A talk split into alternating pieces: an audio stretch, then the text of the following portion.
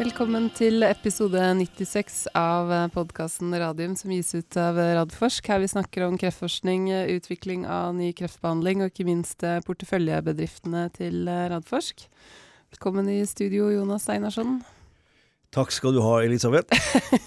skal du scrolle på mobilen din samtidig? Nei, på en dag som denne. Onsdag 9. oktober. Ja, det er bra. Det. er bra. Jeg glemmer det alltid. Så må jeg bare beklage stemmen, og håper jeg ikke får hosteanfall i løpet av uh, sendinga. I går skulle jeg lese Harry Potter for mine barn, og klarte ikke å fullføre en side engang. Da er vi to om det. Ja. Eh, men eh, vi skal snakke om eh, statsbudsjettet. Men før vi kommer så langt, så skal vi ta nyheter siden sist. Fordi det har ramla inn både det ene og det andre som vi skal prate om. Vi kan begynne med Nordic Nano Vector. De har kommet med to nyheter. de har valgt seg ut en global distributør. Yeah. Mm. Så det betyr at de da er on track for å levere betalutin til det er det, og verden. Sånn message til Edvardo Bravo, ikke skriv overskriften 'Nordic Nanovektor har inngått global avtale' neste gang. For jeg fikk nesten hjerteinfarkt med, uten, uten brillene og trodde at den store avtalen var kommet. Det var det ikke, men dette er en viktig, viktig avtale. Jeg, jeg, skjønner, for jeg tror jeg faktisk også tenkte det. Jeg, lurer, jeg, tror jeg var på ferie, men det var sånn oi. Ja, jeg, ja.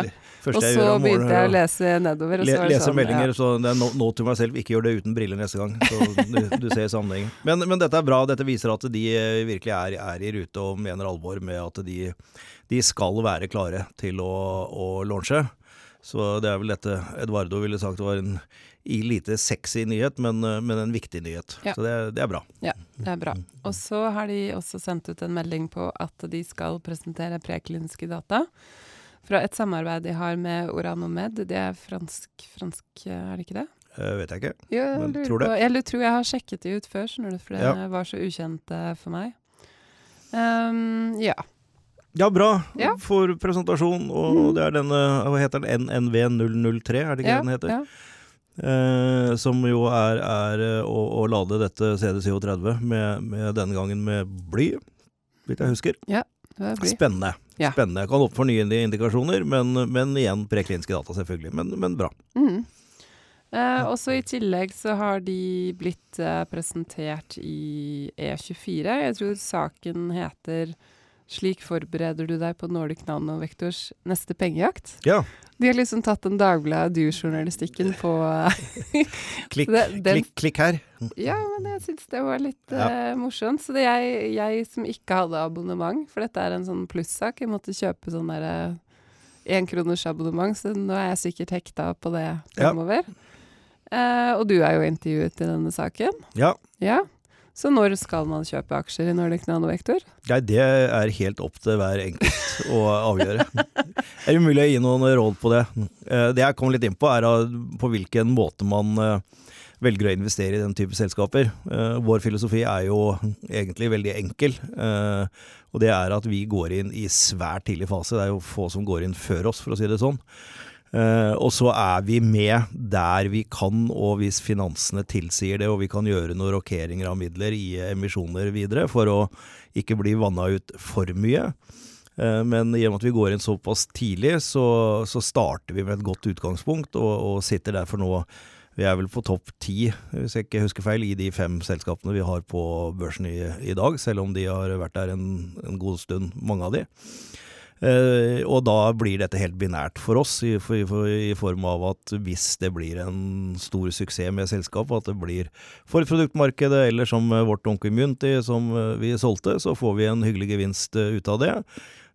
Og hvis de ikke leverer på de store kliniske studiene, så, så, har vi tapt de pengene, men det har man på en måte forberedt på, så det er penger vi da har råd til å tape. Og det er jo kanskje ett budskap, at å gå inn i disse selskapene så tidlig så bør det være penger man har, har råd til å ta, for man kan tjene godt, og, men det kan også gå helt den andre veien. Mm.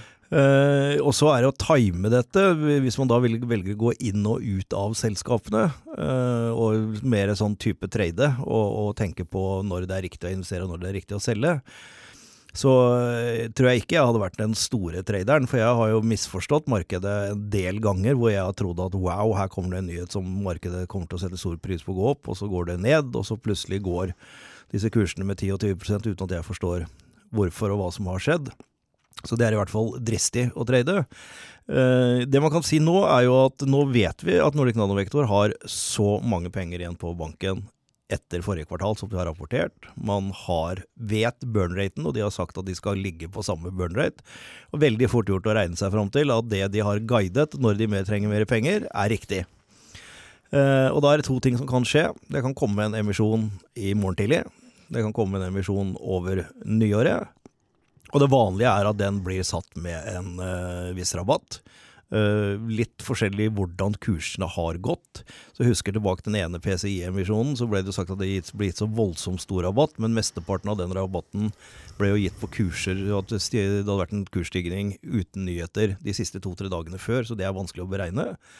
Uh, men det er klart at det, man kan godt spekulere i at en sånn emisjon vil bli satt til en lavere kurs enn det det er i dag. Og så venter man til den kommer og setter inn penga da. Det man ikke vet, er om den store avtalen med Bygg Pharma kommer i morgen tidlig eller rett over nyttår. Og da går man glipp av hele den oppgangen hvis man ikke har kommet inn før. Eh, så dette er en, en, en gambling og, ja. og, en vurdering man må gjøre sjøl. Så å, gi noen råd at nå er rette tiden å kjøpe, det skal for andre, andre gjøre enn meg. Ja. Eh, men jeg, jeg, tenker at det man tar med seg derfra, er at eh, ikke invester penger du ikke har råd til å tape. Det er viktig i vår sektor. ja. Det får være en to tommelfinger, tommelfingerregel. Um, ja, vi kan gå videre på, på selskapene. Både Vaxibody og Targovax uh, melder at de skal presentere på en konferanse du har vært på flere ganger, som heter Sitsi. Ja, jeg var uh, inne og så på programmet nå i stad, faktisk. Og det er uh, jeg skulle gjerne vært der i år òg. Det, eh, det, er jo en, en, eh, en, eh, en konferanse som utelukker, i motsetning til ASKO, er den bare på immunterapi. Så den er veldig fokusert på det vi syns er mest spennende, da. Mm. Så det er, en, det er en, svært viktig, viktig, konferanse å være presentert på, og veldig hyggelig at vi har flere som skal presentere der i år. Er det prestisje å presentere ja, der? Det er, det er, det er altså Poster er, det, er, det, er, det er mange postere som ikke kommer med. Eh, men det er ikke så lett å bli lagt merke til med en poster. Du også går i en kjempediger hall med hundrevis av postere. Mm, det er plakater. Det er, det er plakater, ja. men den som står bak Men du bak, står der. Du står ja. der, og du måler egentlig suksessen din i av hvor mange har vært borte og ja. snakket med deg og vist interesse. Skjønner. Og det har jeg sett kjempeforskjell på. Noen ganger så står det en stakkar der som uh, omtrent ingen snakker til, og så er det enkelte postere, og posteren ved siden av hvor det står 30 stykker i kø. Ja. Så du måler litt suksessen ut ifra det, da. Men, men, men ja, det er, det er prestisje å få en poster. Mm. For det skal, skal ha det, mens uh, Targovax er invitert til å, å, ha en muntlig presentasjon. Det er jo enda mer uh, ja, altså da får du en, slå, får du en slått i storsalen ja. uh, til å legge dette fram. Og som regel så er det da også noen av de aller beste Key Opinion-leaderne som kommenterer posteren din og foredraget mm. som du har holdt. Eh, så det er absolutt en, en, en, god mulighet til å skinne litt ekstra. Mm. Eh, og som vi skjønner det ut fra de meldingene som er kommet, så er det Vaxbody skal da presentere data på VB10 Neo, altså ja. den eh, persontilpassa vaksinen sin. Det er spennende. Eh, ja, for der har jo ikke de presentert Nei, noen data ikke, tidligere. Vi snakka litt om det, så jeg kan jeg ikke vet. huske at jeg har sett noen konkrete Nei, jeg, jeg, mener det er for tidlig. Ja, jeg tror Mulig de hadde no, har hatt noe pre preliminært, men uh, ja. ja. Men uh, det, blir, det, det, det, blir, spennende ja. uh, å se de, de, dataene, og da spesielt på, på, hva de produserer av hvilke type celler, og hvilken, ja. hvilken reaksjonsform dette får. Det er, jo, det er jo første gangen da, at de bruker den neoantigenplattformen. Mm eh, hos mennesker. Mm. Så det blir spennende. Det er en veldig spennende studie ja. å, å, følge. Eh, mens Targvak skal da presentere da på, på Onkos eh, kombinasjon med pembrolizumab, var det ja. ikke det? Ja. Onkos de, 2. Der hadde de data, så vidt jeg husker, i sommer? Var det ikke de det vi sa at av de første ni pasientene, så hadde de hatt tre som de definerte som overall uh, respons, uh, og én av de tre var complete respons. Uh, og så var det litt sånn vanskelig å tolke helt hvordan disse forskjellige responsene var lagt inn. fordi de dette er så vidt jeg vet, så er de pasientene som de behandlet med bare tre injeksjoner, mens de skal opp på atskillig flere injeksjoner nå i den utvidede delen av det. Mm. Eh, og eh, hvordan de har definert responsen hvis det er sånn at det har kommet opp en annen svulst eh, i tillegg til den som er behandla, at det da er en non-responder. Men samtidig så har den, den tumoren som de behandla, blitt borte. Så, blir den, så, så har du også fått den, den lokale effekten, men ikke nok av den abskopale effekten til at du på en måte virker helt generelt. Eh, Så blir det veldig spennende. Og, så dette er en av de jeg kan tenke meg å gå inn og, og, og lese litt ekstra i hva de kommer med Mm. av data og beskrivelser.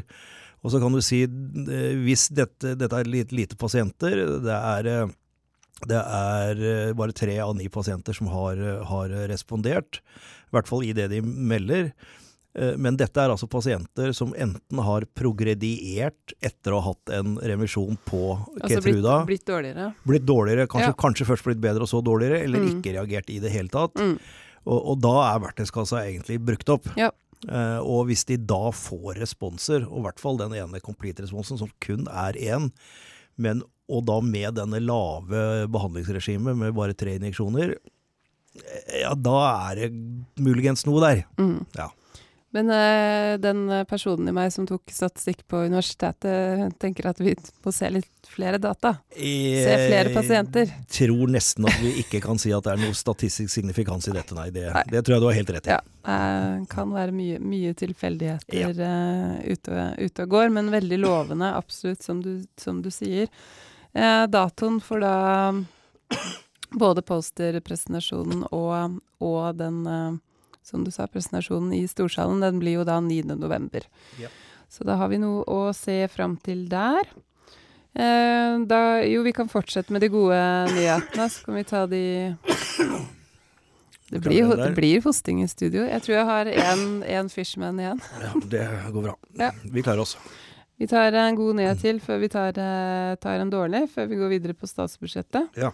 Ehm, og det er jo da at Oslo Cancer Cluster Inkubator er blitt ranka som en av de 20 beste inkubatorene innen helse Ja. i Europa. Ja. Av et uh, tidsskrift, eh, eller ikke tidsskrift, det er et nettsted som heter labiotech.eu. De er vel verdt å følge mm, generelt. Jeg følger de på Twitter. De Ja. opp mye nyheter uh, den veien. Absolutt. Dette er jo Eh, andre gangen ja. vi gjør en sånn kåring, og vi var med forrige gang også, blant de 20 beste. Mm. Det er hyggelig å bli lagt merke til. Mm. Det, og det er jo mange helseinkubatorer i Europa. Det er veldig mange. Så at man blir regna som en, en blant de 20, det, det er søren meg ikke dårlig. Nei. Så har det jo ikke vært noe intern rangering blant de 20 heller. Det blir jo veldig vanskelig. Ja. Eh, men da kan vi jo snakke om uh, dårlig, dårlig nytt. Beslutningsforum de sa da nei til uh, å bruke den genterapien som vi kaller CAR-T for nye indikasjoner. Det var jo da storcellet B-celle-lymfom på voksne mennesker. Ja. Og begrunnelsen er da som vanlig, de mener at ikke de ser nok kost-nytte-effekt. Ja. Eh, og det har de jo reagert ganske mye på i fagmiljøet, så Harald Holte, som er leder for den lymfomavdelinga Ja. på Radium, var intervjua i Dagens Medisin. Hva Nei, altså Fagmiljøet er, er uenig i, i det de legger, legger inn av, øh, av kriterier for å se på hva som er øh, nytteverdig. Uh, og mener å se at det er, er atskillig mer nytte enn det de sier. Og så er det igjen at det ikke er nok effektdata men, øh, og langtidsdata, og det er jo helt riktig, dette er jo ny medisin. Eh, men det er vanskelig å forstå at, øh, at man gjør det sånn, og i dette tilfellet så har man jo satt en aldersgrense. Ja. Det har man jo også gjort tidligere. Det er jo egentlig strengt tatt ikke lov. Nei, og når du da liksom er kanskje et par år på den andre sida av den aldersgrensen Mm. og får en så alvorlig sykdom og får beskjed om at ikke du får medisinen fordi du er 20 og ikke 17 Mm. Eh, Nei, jeg, jeg syns dette er trist, jeg. Ja. Mm. Jeg tror eh, vi bare sier det sånn. Jeg Ja. håper de kommer fram til noen annen løsning i forhold til å vurdere disse medisinene. Jeg skjønner ikke hvorfor det skal være så annerledes i Norge enn andre land. Nei da. Det, Eh, det vi kan sammenligne oss med. Vi er ikke så annerledes enn andre. Eh, men da kan vi jo gå over på statsbudsjettet. Jeg satt og fulgte med på mandag når det ble lagt fram. Eh, det er jo da første, eh, første gang det er eh, fire partier på borgerlig side. Mm. Det er vel Erna Solbergs våte drøm. Ja, det var vel det. Endelig. Og så får eh, legge fram, eh, fram budsjett. Um, så at du fikk terningkast seks i DN. Jeg tror det handler vel mye om at de økonomene er fornøyd, siden regjeringa holder litt tilbake igjen på oljepengebruken. Ja da, de, og det er sånn rent økonomisk, makroøkonomisk for Norge, så er eh, Når jeg kan noe særlig om det, så, så skjønner jeg jo at de mener at dette er, er en riktig måte å, å bruke pengene på når du ser på totalen. Mm. Uh, og det kan det godt være, men så sitter jo alle innenfor hver sin sektor og med sine hjertebarn og sutrer, da. Og det mm. gjør jo vi også, da. Ja, altså det var jo en litt sånn derre De tilbakemeldingene som kom fra opposisjonen, var vel ganske sånn ja, det var, det var ikke noe nytt der, for å si det Nei, sånn. Altså nei. Senterpartiet klaga på sentralisering, og Arbeiderpartiet klaga på det meste, og, og Miljøpartiet ville ha mer til klima, så det, det var ganske sånn eh, det, det var ikke så mye nytt der, men det vi hadde håpet, som skulle vært, eh, vært nytt, var jo at de nå hadde satt inn litt penger til en satsing innenfor helsenæring. Ja. Og det kom jo ikke. Nei, det kom ikke, og jeg tror de har tenkt som så, ja, at den helsenæringsmeldingen er ikke behandla ennå. Eh, Og da behøver vi ikke å ta noe stilling til det, til det i denne runden. Mhm. Eh, Fordi eh, bortsett fra et par småting som vi skal komme tilbake til, så, Ja. så var det ingen satsing på helsenæring. Nei. Og ingen satsing på noen av de eh, flaskehalsene som helsenæringsmeldingen helt tydelig peker, på. Peker på. Mhm. Eh, og det er vel ingen som på en måte har tatt den helsenæringsmeldingen inn under sine vinger enda, tenker jeg. Det er ingen som er fanebærere for den og for saker i den. Men det får vi håpe at kommer noe mer nå, da, når den nå Hvordan blir det med den behandlingen? Nei, nei det er tidlig november, som de har sagt, så det er jo ikke så lenge, lenge til. Nei. Nei. Så det, det blir jo veldig, veldig spennende å se. Ja, kan du kanskje tenke seg da at det kanskje kan komme noe i revidert, men det Mm. neppe før neste år, tenker jeg. Eh, nei, men vi kan jo Altså, jeg eh, Sånn som jeg oppsummerte det litt sånn i mitt hode, så er det grunn, gründerne er sure. Universitets- og høyskolesektoren er sure. Eh, men de som utvikler digitale løsninger, de kan kose seg hele veien til banken, for de får ganske mye penger. Ja, og det er bra, og det er viktig å bygge en infrastruktur der, men samtidig så blir det litt sånn Er eh, dette å kaste enda mer gode penger etter dårligere, eller er, blir det faktisk skjer det noe der nå? Mm. Eh, fordi så vidt jeg har fått med meg, så er disse e-helseløsningene så langt i vårt helsevesen ikke vært særlig vellykka. Eh, spesielt med de store satsingene som i Helse Sør-Øst, hvor det har gått svært dårlig. Mm. Så ja, vi får se. Vi får se. Uh, vi har i hvert fall satt opp noen punkter som vi kan uh, diskutere oss uh, gjennom. Litt sånn, eh, nesten litt sånn Oslo-lokalsak, men det er en viktig sak. Altså, da har man jo nå Regjeringen har bevilget eh, muligheten for å ta opp lån for å bygge da det storsykehuset på, på Gaustad og på Aker. Mm. Det, noe som innebærer at de da har skrinlagt uh, Ullevål. De har gjort det, Ja. uh, og det er, helt, det er helt tydelig at det Og det var Bent Høie hadde jo en egen pressekonferanse på dette, regna vel med at det ble en del rundt det. Ja, som de ikke streama. Nettopp. Det var ikke bra. Nei. Nei. Eh, og er det da muligheter for eh, omkamper eh, på det? Ja, kanskje. Noen håper at bystyret, byrådet, det nye skal lage noe kluss i, i dette her. At Oslo kommune setter seg opp mot det regjeringen har beslutta i dette, det tviler jeg vel veldig Ja, tviler på det. Eh, og så ser jeg at det er noen som spekulerer i at dette kan reverseres hvis vi får et, eh, en annen regjering eh, ved neste stortingsvalg. Og det er selvfølgelig mulig, men jeg tror det nå ser ut som at dette er, er fastlagt nå. Det blir et fantastisk flott og stort lokalsykehus på Aker, som Oslo trenger veldig. De, de river nå, så for det så jeg når jeg kjørte forbi i Ja, jeg kjørte faktisk forbi her om dagen, jeg òg, og så det. At, det var, at her er det full fart. Og her på Ramsdalen er det jo er det virkelig, virkelig full virkelig full fart.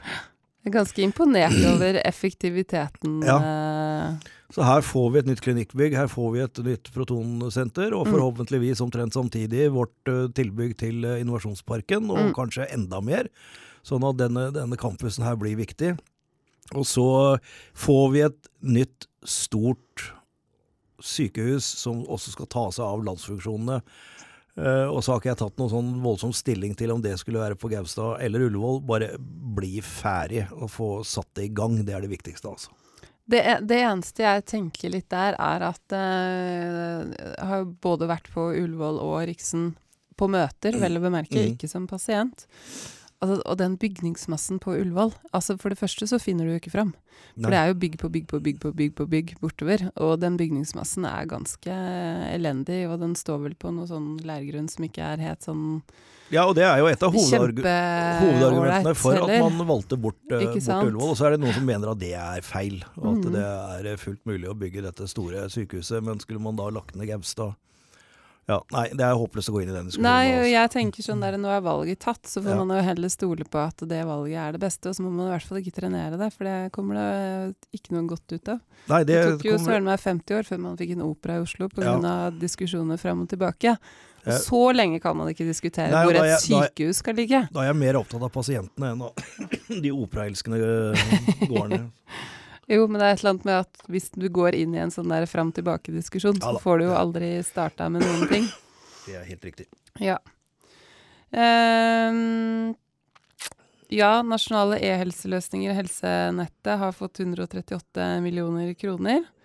Eh, helseanalyseplattformen eh, får totalt 234 millioner kroner, for den får både noen midler fra HODE og Forskningsrådet. Og akkurat den der helseanalyseplattformen tror jeg man kan uh, ha grunn til å se fram til, Ja. hvis jeg har skjønt den riktig. Med alle disclaimere om at uh, hels- data er ikke mitt eh, er ikke, er ikke mitt fagfelt. Eh, men sånn som jeg skjønner det, så skal jo den gjøre det veldig mye enklere å gjøre forskning på registerdata, og også Ja. kliniske studier med bruk av registerdata. Kob- Koble sammen Ja. registrene, koble sammen dataene, hvor kanskje dette Inspire er en sånn liten pilot. Ja. I forhold til det. Det er positivt. Så det, det, er, det er jo kjempeflott. Um, ellers så er det også bevilget penger til innføring av det nasjonale tarmkreftscreeningsprogrammet. Eh, og det er jo også bra. Det gjelder vel fra man er 50, tror jeg. 50 år. 50, leste jeg. det. 55. Ja. Ja. Mhm. Og da vil man jo kanskje da plukke opp noen som ellers ikke hadde ville plukket opp, blitt plukket opp tidlig. Og Ja, altså stu Studiene viser jo at det kanskje er en av de screeningformene som har mest for seg. Mhm. Uh, og så er det pro et cons med alle sånne screeninger. Eh, de er ikke ufarlige. Nei. Det, det hender jo at det, at det skjer ting når man gjør eh, rutineundersøkelser. Mhm. Eh, vi finner noe som kan ha celler som har delt seg, men som kanskje hadde reparert seg sjøl, og som vi likevel går inn og opererer. Men, men dette er de diskusjonene som har vært rundt både mammografi og, og tarmkreftscreening. og Der synes jeg det bare det er greit å stole på de som har gjort alle analysene, og alle fagfolk som mener at dette er fornuftig å gjøre, Ja. og, og, og heie på det. Absolutt. Eh, ellers så ser vi jo også at eh, flyttingen av da Biotekrådet til, til Bergen fra Oslo kommer til å koste fem millioner kroner. Ja, det er jo fint. Da får de råd til å reise over fjellet. Ja, det, det er, men det er jo bare trist i det hele tatt at det blir flyttet. Eh, og at det i tillegg koster mer penger enn om man Ja. bare hadde latt det være. Eh, persontilpasset medisin for 4,4 millioner kroner. Eh, og så står det da at da vil man ha fått en samlet bevilgning på 30 millioner i 2020. Og de pengene, de 4,4 millionene, skal brukes til oppfølging av tiltak i nasjonal strategi for persontilpassa medisin. Ehm, altså dette her er jo egentlig noe som vi burde vite masse om og være veldig engasjert i, men den der har gått under radaren, altså. Ja, for, for meg også. Jeg lurte på, For det første så jeg beløpet. Så Ja, jeg, det er jo tøysebeløp. Hva, hva, hva er det for noe? Eh, og så er jo persontilpasset medisin og vi har hatt Bent Høie her i studio som, som har uttalt at det er vi ikke forberedt på. og Nei, og han sier jo også at av. det er noe av det vi har mislykkes mest med, og så skal Ja. man gi 4,4 millioner kroner, liksom. Hva får man for det når det, man skal eh, ja, Nei. Ja, det syns jeg var litt spesielt. Ja, Ja. det er jeg enig. Eh, Men vi kan da jo da bevege oss eh, bort fra, fra helse. Vi kan gå over til opsjonsskatt, som Ja. er veldig viktig for gründere. Og eh, der har man jo hatt en ordning om at man kan ha fradrag på er det 500 000, og Ja. så er det tak på per ansatt, og så er det tak på ti ansatte. Og så la vel, ble det vel, vel lagt frem som at nå styrket man da denne opsjonsskatteordningen fordi man økte den til 1 million, Mm. og så skulle det gjelde med bedrifter med opptil tolv ansatte. Og for å si det sånn, det, det eh, har fått det glatte lag av de fleste som jobber med, med gründere. Provoserende er vel det som det mest kan eh, sies om det der. Ja, og det, det skjønner jeg godt, eh, når du vet hvordan disse, disse personene jobber, og hva de legger i dette, og hvor mye de ofrer og, og, og satser på å bygge den type bedrifter. Og, og da sette sånne tidligere en halv million, nå en million, og så ikke minst dette idiotiske kravet om at det ikke skal gjelde hvis det har mer enn tolv ansatte. Eh, Jeg skjønner overhodet ikke Men hvor har de tatt det tallet? Eh, Nei, ikke vet jeg. Det, det betyr at en, en, eh, et, et selskap liksom som var, var fire år gammelt, da, som Ja. vi nå solgte Onkel Community, de var Mhm. 16 ansatte når vi solgte det. Eh, og, og da skulle de altså ikke være, En del være med i en sånn ordning. Det Nei. er, eh, nei, det er, jeg skjønner ikke hva du tenker på. Nei, det skjønner ikke jeg heller. Um, og så var det en annen ting jeg tar, la merke til, um, som jeg så også en del av disse uh, ekspertøkonomene på NRK kommenterte på, og det var jo at man ikke har lagt inn forslag i budsjettet på å kutte eh, skatt på arbeidende kapital, eller da formuesskatten som den også kalles. Fordi her er det jo da fire til dels borgerlige partier Mm. som alle er for å kutte i eh, denne skatten, og så legger de det ikke inn i budsjettet. Det lukter taktikk. Det lukter politikk. ja, politikk og taktikk er Ja. vel eh, to sider av samme sak. Nei, det var jo det var rart, det. Men det er jo veldig skuffende. Ja, det er skuffende. Fordi det er disse, det er disse to tinga. Det er eh, altså det er, eh, Arbeidende kapital syns jeg faktisk er et bedre uttrykk enn formuesskatt. Ja, jeg ser NHO bruker det Ja, fordi konsekvent. dette er snakk om For det er vel ei en formuesskatt? Nei, altså det, er jo ikke en formue du sitter på som du har i banken eller plassert i likvide papirer. Dette er jo ikke for våre folk, da. Nei. Eh, Det er jo, er jo en verdi som er satt av et marked, men med en verdi som du ikke kan realisere. Fordi hvis gründerne skulle realisert Ja, i- da hadde for- de jo ødelagt hele firmaet. det går ikke. Nei. Og det vil si at de sitter jo innelåst i mange år faktisk i, i dette systemet, og da må betale skatt av noe som i vår sektor er binært. Det kan bli en suksess, og det kan bli at man ikke tjener noe på det. Mm. Og at man da ikke i den perioden kan være fritatt skatt. De betaler jo skatt hvis de lykkes. Ja. Så ja, Vi har tatt den, den diskusjonen ofte før, men jeg, jeg skjønner ikke. Men som du sier, det, det lukter taktikk og, og politikk. At den lille betente saken der, den vil de antagelig Der ikke ville ha de ikke bordet. ha noe server over nettet fra Arbeiderpartiet, Nei. eh, eller Rødt for den saks skyld, enn at de bare er, eh, gir skattefordeler til de rikeste her i landet. For det er jo ofte den argumentasjonen som kommer. Det kommer jo Men det er jo så misforstått Det når det kommer til våre opp. selskaper. Ja, det kommer alltid opp at Carl I. Hagen får uh, Carl I. Hagen, sier jeg. Det var ikke akkurat han jeg tenkte på. Stein Erik Hagen jeg tenkte på. Freudian slip, kaller man det der. Freudian slip, ja. Eh, At det er de som får, får skattelettene, mens, mens dette, dette tiltaket er for de som bygger noe nytt. Mm. Ja, hvis man skal fortsette med det, de dårlige nyhetene, så kan vi avslutte med noe vi, som vi tror er en god nyhet. Det er jo da at um, Altså den dårlige nyheten er da at budsjettet for forskning og innovasjon for 2020, det får det glatte lag av Forskningsrådet, universitetssektoren, høyskolesektoren. De er ordentlig skuffa, Ja, og det skjønner jeg. det skjønner jeg òg. Det er eh, hvor, hvor har det liksom blitt av tankegangen at hva skal vi nå som vi skal bygge ned og fase ut olje, selv om det skjer i vår generasjon eller neste generasjon? Vi har akkurat åpna noe som heter Johan Sverdrup. Ikke sant? Så skal vi bygge noe nytt. Mm. Og da må vi satse på forskning og innovasjon i Norge, og det, er liksom, det trodde jeg på en måte alle var enige om. Men, eh, men det var ikke der eh, det var mulig å gi noe, da, tydeligvis. Nei, det, det blir gitt mye til hav. Til eh, forskning og innovasjon innenfor eh, hav. Og så ser jeg også at de har gitt mye til eh, dette selskapet til Siri Kalvik borte i Stavanger som heter Nysnø, som skal jo investere. Men de skal jo investere i, i grønne løsninger, så Mm. ja. Og så må de endre navnet sitt, for de får faktisk ikke lov til å hete Nysnø. For det var visst for likt for noe annet etablert, så da må de bruke litt tid på det òg.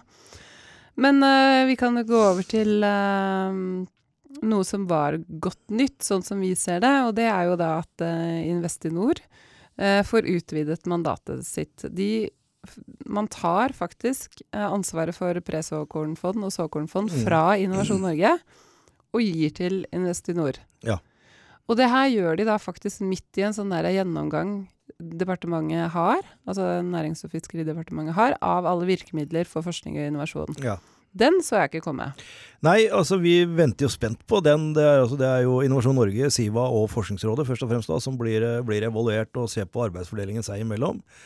Eh, og at de skulle gjøre noe med det eh, nå, det kom litt eh, overraskende på. Eh, Nå har ikke jeg en sånn spesielt forhold til det, om det er, er Investinor eller Innovasjon Norge som, som styrer akkurat uh, det. For det er jo å administrere. altså Såkornfondet vil jo selv gjøre sine vurderinger og investeringer og sånn som før, og står like fritt. Så det vet jeg ikke om har så, har så egentlig så veldig mye å si. Men det var litt overraskende at det kom nå. Uh, og så har de forandra mandatet Mm. eh, ganske mye Mm. Til Investinor. til Investinor. Ja. Eh, De har, for det første så har de tatt bort eh, deres anledning til å gjøre direkte investeringer. eh, Bortsett fra innenfor én liten eh, sektor som var noe skog og noe som var der som faktisk, Skog og noe trær og noe sånt. no, Noe sånt. Som hvis jeg husker riktig, faktisk var det første mandatet de fikk i sin ok. tid. For de fikk, Ja. de fikk så mye penger til alt annet, og så fikk de så mye penger til denne sektoren som har med skog og sånn okay. trær og planter og sånn å gjøre. Uh, og det, det har de da beholdt. Men så har de tatt bort dette med at de skal gjøre direkteinvesteringer. Eh, og den utviklingen i deres portefølje så langt på det har ikke vært så bra som man hadde håpa. Eh, og så ser de Antagelig har de begynt å høre litt på alt det som har kommet, for det har også med helse, for så vidt med helsenæringsmeldingen å gjøre. Ja, det har vel litt med den kapitaltilgangsutvalget Kapitaltilgangsutvalget, ikke Mm. minst. Og det er tydeligvis den de støtter seg på her. Som sier at vi trenger disse pengene. De trenger vi i en mye tidligere fase Mm. enn at det skal være et fond som bare skal prøve å gå inn i en sen fase og maksimere en, en kapitalutvikling av det.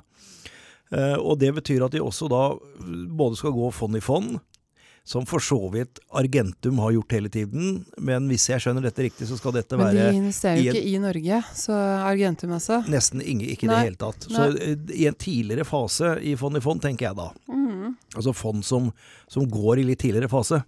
Uh, og så er det dette med matching av kapital, og det har Investinor allerede starta jobben med. Så Radforsk er jo en av disse partnerne som har en avtale med Investinor. At når vi gjør svært tidligfaseinvesteringer, og dette blir godkjent som investering i Radforsk, så sender vi den saken over til Investinor. Og så har de en svært ubyråkratisk prosess på å si at de, om de vil være med eller ikke, å matche det vi investerer. Mm. Det, hvis de gjør det med sånne som Radforsk, og med noen av disse tidlige, andre tidlige investorene, så dobler det på en måte deres styrke da, i tidligfaseinvesteringen. Så Og det er jo snakk om mye penger i en tidlig fase, at man Ja, får det det- doblet. Ja, det, det, det, det er klart det er det. Altså, hvis Mm. vi skal hente et selskap i den sånn typiske aller tidligste fase mellom 5 og 10 millioner kroner, Mm. og Ravnstad eller Radforsk legger inn 3 millioner, så er det plutselig blitt til 6. Mm. Og da er det mye lettere å hente de siste fire. Ja. Så dette er, dette er positivt. Mm. Så bra.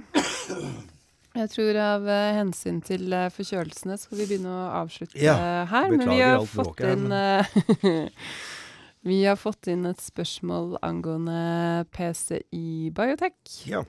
Hvor jeg har sagt til deg at jeg skjønte ikke engang spørsmålet, men du har skjønt både spørsmålet og fått svar fra Per Valdei, som er sjef i, i PCI, så du kan bare overta. Ja, jeg har eh, snakket med, med Per om dette. Det er, det er en som lurer på dette med at i utgangspunktet så skulle pasientene som skulle inkluderes i denne store studien, de skulle ha eh, det som heter ekstra hepatisk. Altså at den satt utenfor leveren og ut i gallegangen, og at det da skulle være det som kalles for perihelær. Og den, det er den som sitter nærmest, altså sitter svulsten nærmest inn mot eh, galleblæren, men sitter i gallegangen. Eh, og det skulle ikke være metastaser. Det var sta utgangspunktet. Så har de etter hvert utvida denne sirkelen litt inn mot metastaser, med at de godtar at det er noe levermetastaser. Så det litt, økte litt muligheten for å få inn pasienter. Og så er det det siste som har kommet, da, at de også har sagt at de kan inkludere pasienter med distal ekstrahepatikk med eh, tumor, altså den som sitter lenger ute i gallegangen. Og da var spørsmålet vil ikke dette gjøre at estimatet for antall pasienter som kan bli behandlet med dette, vil øke, og vil det ikke øke Uh, muligheten for å få en bedre rekruttering fordi man inkluderer distale. Det var spørsmålet. Så, sånn at det ville gå fortere enn man ja. tidligere har antatt? Skjønner. Jeg snakket med Per om dette, og han sier at jo, teoretisk sett så ja. kan man si det, og ja, de har inkludert dette med distale. Men så har de gått inn og sett på tallene sine. Uh, og sett at det er svært få, for de kunne også ha distale i den siste delen av den første studien. Og det var bare én pasient som var kommet inn der. Uh, og da er de litt usikre på hvorfor. Mm. Uh, en teori er at det kan være at de som har en distal blokkering, da får du en full blokkering, og du får bilirubin, som er dette, det du måler på, det skvetter i været, og du får gulsott. Oh, ja. Og Det betyr at du, er, den er ikke så stille og snikende som de andre. Eh, og det, det, betyr at de da blir tidligere oppdaget, og kanskje flere av de er operable og altså ikke kommer inn her. Mm. Så altså, ja, det er jo mulig at disse to utvidelsene med metastaser og med distale kan øke estimatet og kan øke rekrutteringstakten, men ikke i den grad at vi tør å legge det inn i våre kalkyler, ja. sier, sier Per til meg. Mm. Så det er egentlig svaret på, ja. på det spørsmålet. Uh, og så denne, denne, spørsmålsstilleren her da hadde et lite hjertesukk på at han hadde jo sendt dette spørsmålet til, til selskapet for 14 dager siden og ikke fått svar. Uh, og da sier Per med et lite hjertesukk at Tilbake. Vi, tilbake. Ganske stort hjertesukk faktisk ja. fra Per. Vi gjør så godt vi kan i PCI. Vi kjører en tight organisasjon med en liten burn rate og prøver å holde fokuset 100% på å få gjennomført det vi skal gjøre, nemlig denne, denne studien, pluss da det de gjør innenfor de andre eh, delene av plattformteknologien. Eh, vil gjerne svare, men blir altså bombardert med så mye spørsmål at hvis de skulle sitte og svare på alle spørsmålene, så hadde det tatt fokuset fra det de egentlig skal gjøre. Han sier ikke at han ikke vil ha spørsmål, men at man kanskje kan begrense det noe. Eh, og så, som vi også sa til han, så kan jo vi også ta en del av dette opp i, i podkastene og, og, kanskje få noen avklaringer i forhold til det. Ja, det er sikkert mer effektivt å sende spørsmålene til oss, så tar vi det muntlig her, enn at uh, det, tar, det, tar, lengre tid å skrive ting enn å snakke om ting. Si. Ja da, jeg tar, eh, tar gjerne imot uh, spørsmål, og jeg er jo i den heldige situasjonen at jeg møter Per over uh, ka rundt kaffemaskinen av og til, så jeg kan mm -hmm. ta, ta, dette litt, litt, kjapt med han. Så, ja. så vi, vi, kan gjerne være litt sånn go between der. Ja. Jeg tror det er uh, siste ordet. Så får vi komme sterkere tilbake med mindre hosting og bedre stemmer uh, neste uke. Vi satser på det. Mm, takk for oss. Takk for oss.